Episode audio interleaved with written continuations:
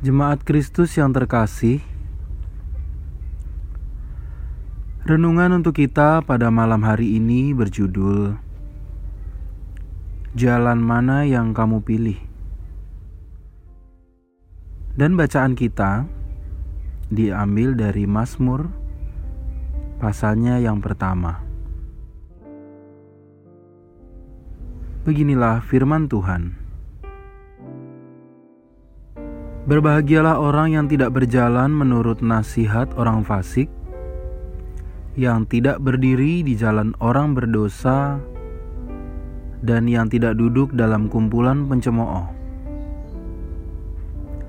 Tetapi yang kesukaannya ialah Taurat Tuhan, dan yang merenungkan Taurat itu siang dan malam. Ia seperti pohon yang ditanam di tepi aliran air, yang menghasilkan buahnya pada musimnya, dan yang tidak layu daunnya. Apa saja yang diperbuatnya berhasil. Bukan demikian orang fasik. Mereka seperti sekam yang ditiupkan angin. Sebab itu orang fasik tidak akan tahan dalam penghakiman Begitu pula orang berdosa dalam perkumpulan orang benar. Sebab Tuhan mengenal jalan orang benar, tetapi jalan orang fasik menuju kebinasaan. Ada dua jalan yang tersedia di hadapan kita untuk kita pilih, yaitu jalan kebenaran menuju Allah atau jalan orang fasik. Kedua jalan ini memiliki konsekuensi masing-masing yang harus kita tanggung kemudian. Seringkali yang membuat orang kesulitan dalam memilih adalah kondisi yang diakibatkan dari pilihan kita.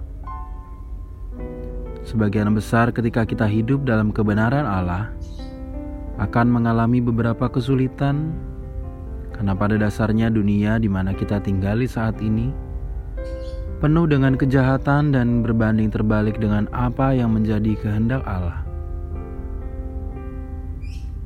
Sebaliknya, ketika kita memilih jalan orang fasik, di titik tertentu kita mendapat kemudahan duniawi yang memang tersedia dan ditawarkan sedemikian rupa. Jika kita melihat dengan sudut pandang itu, maka memang memilih jalan hidup orang benar tak selalu mudah karena kita akan berbeda dari dunia dan sekitar kita. Bisa jadi kita dicap orang aneh atau orang yang sok merasa paling benar. Akan ada banyak tuduhan dan tekanan yang akan kita terima saat kita berupaya untuk terus hidup dalam kebenaran Allah. Namun, satu hal yang perlu kita cermati adalah janji Tuhan yang ada dalam ayat 3. Orang yang hidup dalam kebenaran Allah akan mengalami pertumbuhan dan juga mendapat nutrisi yang baik untuk pertumbuhannya. Kita mengandalkan sebuah pohon yang hidup di tepi aliran air.